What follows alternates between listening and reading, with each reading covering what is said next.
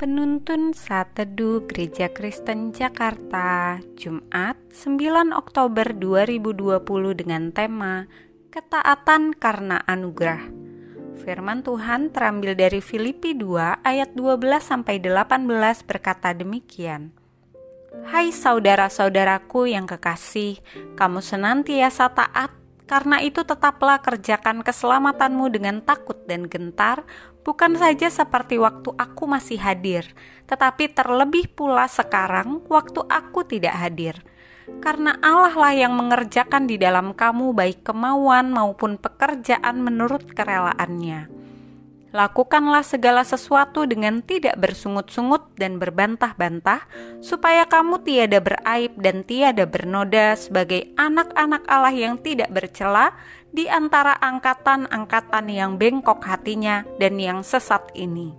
Sehingga kamu bercahaya di antara mereka seperti bintang-bintang di dunia sambil berpegang pada firman kehidupan agar aku dapat bermegah pada hari Kristus bahwa aku tidak percuma berlomba dan tidak percuma bersusah-susah, tetapi sekalipun darahku dicurahkan pada korban dan ibadah imanmu, aku bersuka cita dan aku bersuka cita dengan kamu sekalian. Dan kamu juga harus bersuka cita demikian dan bersuka citalah dengan aku. Bedmore, seorang penulis Kristen menulis demikian. Langkah raksasa dalam perjalanan iman kita adalah langkah yang kita ambil ketika kita memutuskan bahwa Kristus bukan lagi hanya bagian hidup kita. Dia adalah hidup kita sepenuhnya.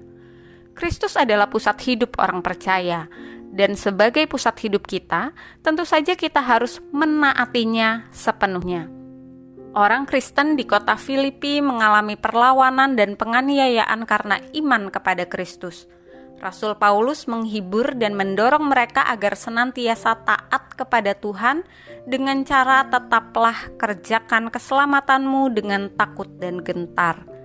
Hal ini tidak berarti mereka harus berusaha untuk mendapatkan keselamatan atau menjaga agar keselamatan yang sudah diterimanya tidak hilang, sebab keselamatan yang Allah anugerahkan dijamin olehnya. Kalau begitu, apa yang Paulus maksud? Terjemahan Alkitab lainnya menjelaskan demikian berusahalah hidup sepenuhnya sesuai dengan apa yang pantas bagi orang yang sudah diselamatkan oleh Allah, yaitu dengan sikap takut dan hormat kepada Allah, bertumbuh menuju kedewasaan rohani serupa Kristus. Ketaatan kepada Allah ini dinyatakan dalam sikap dan cara hidup sehari-hari.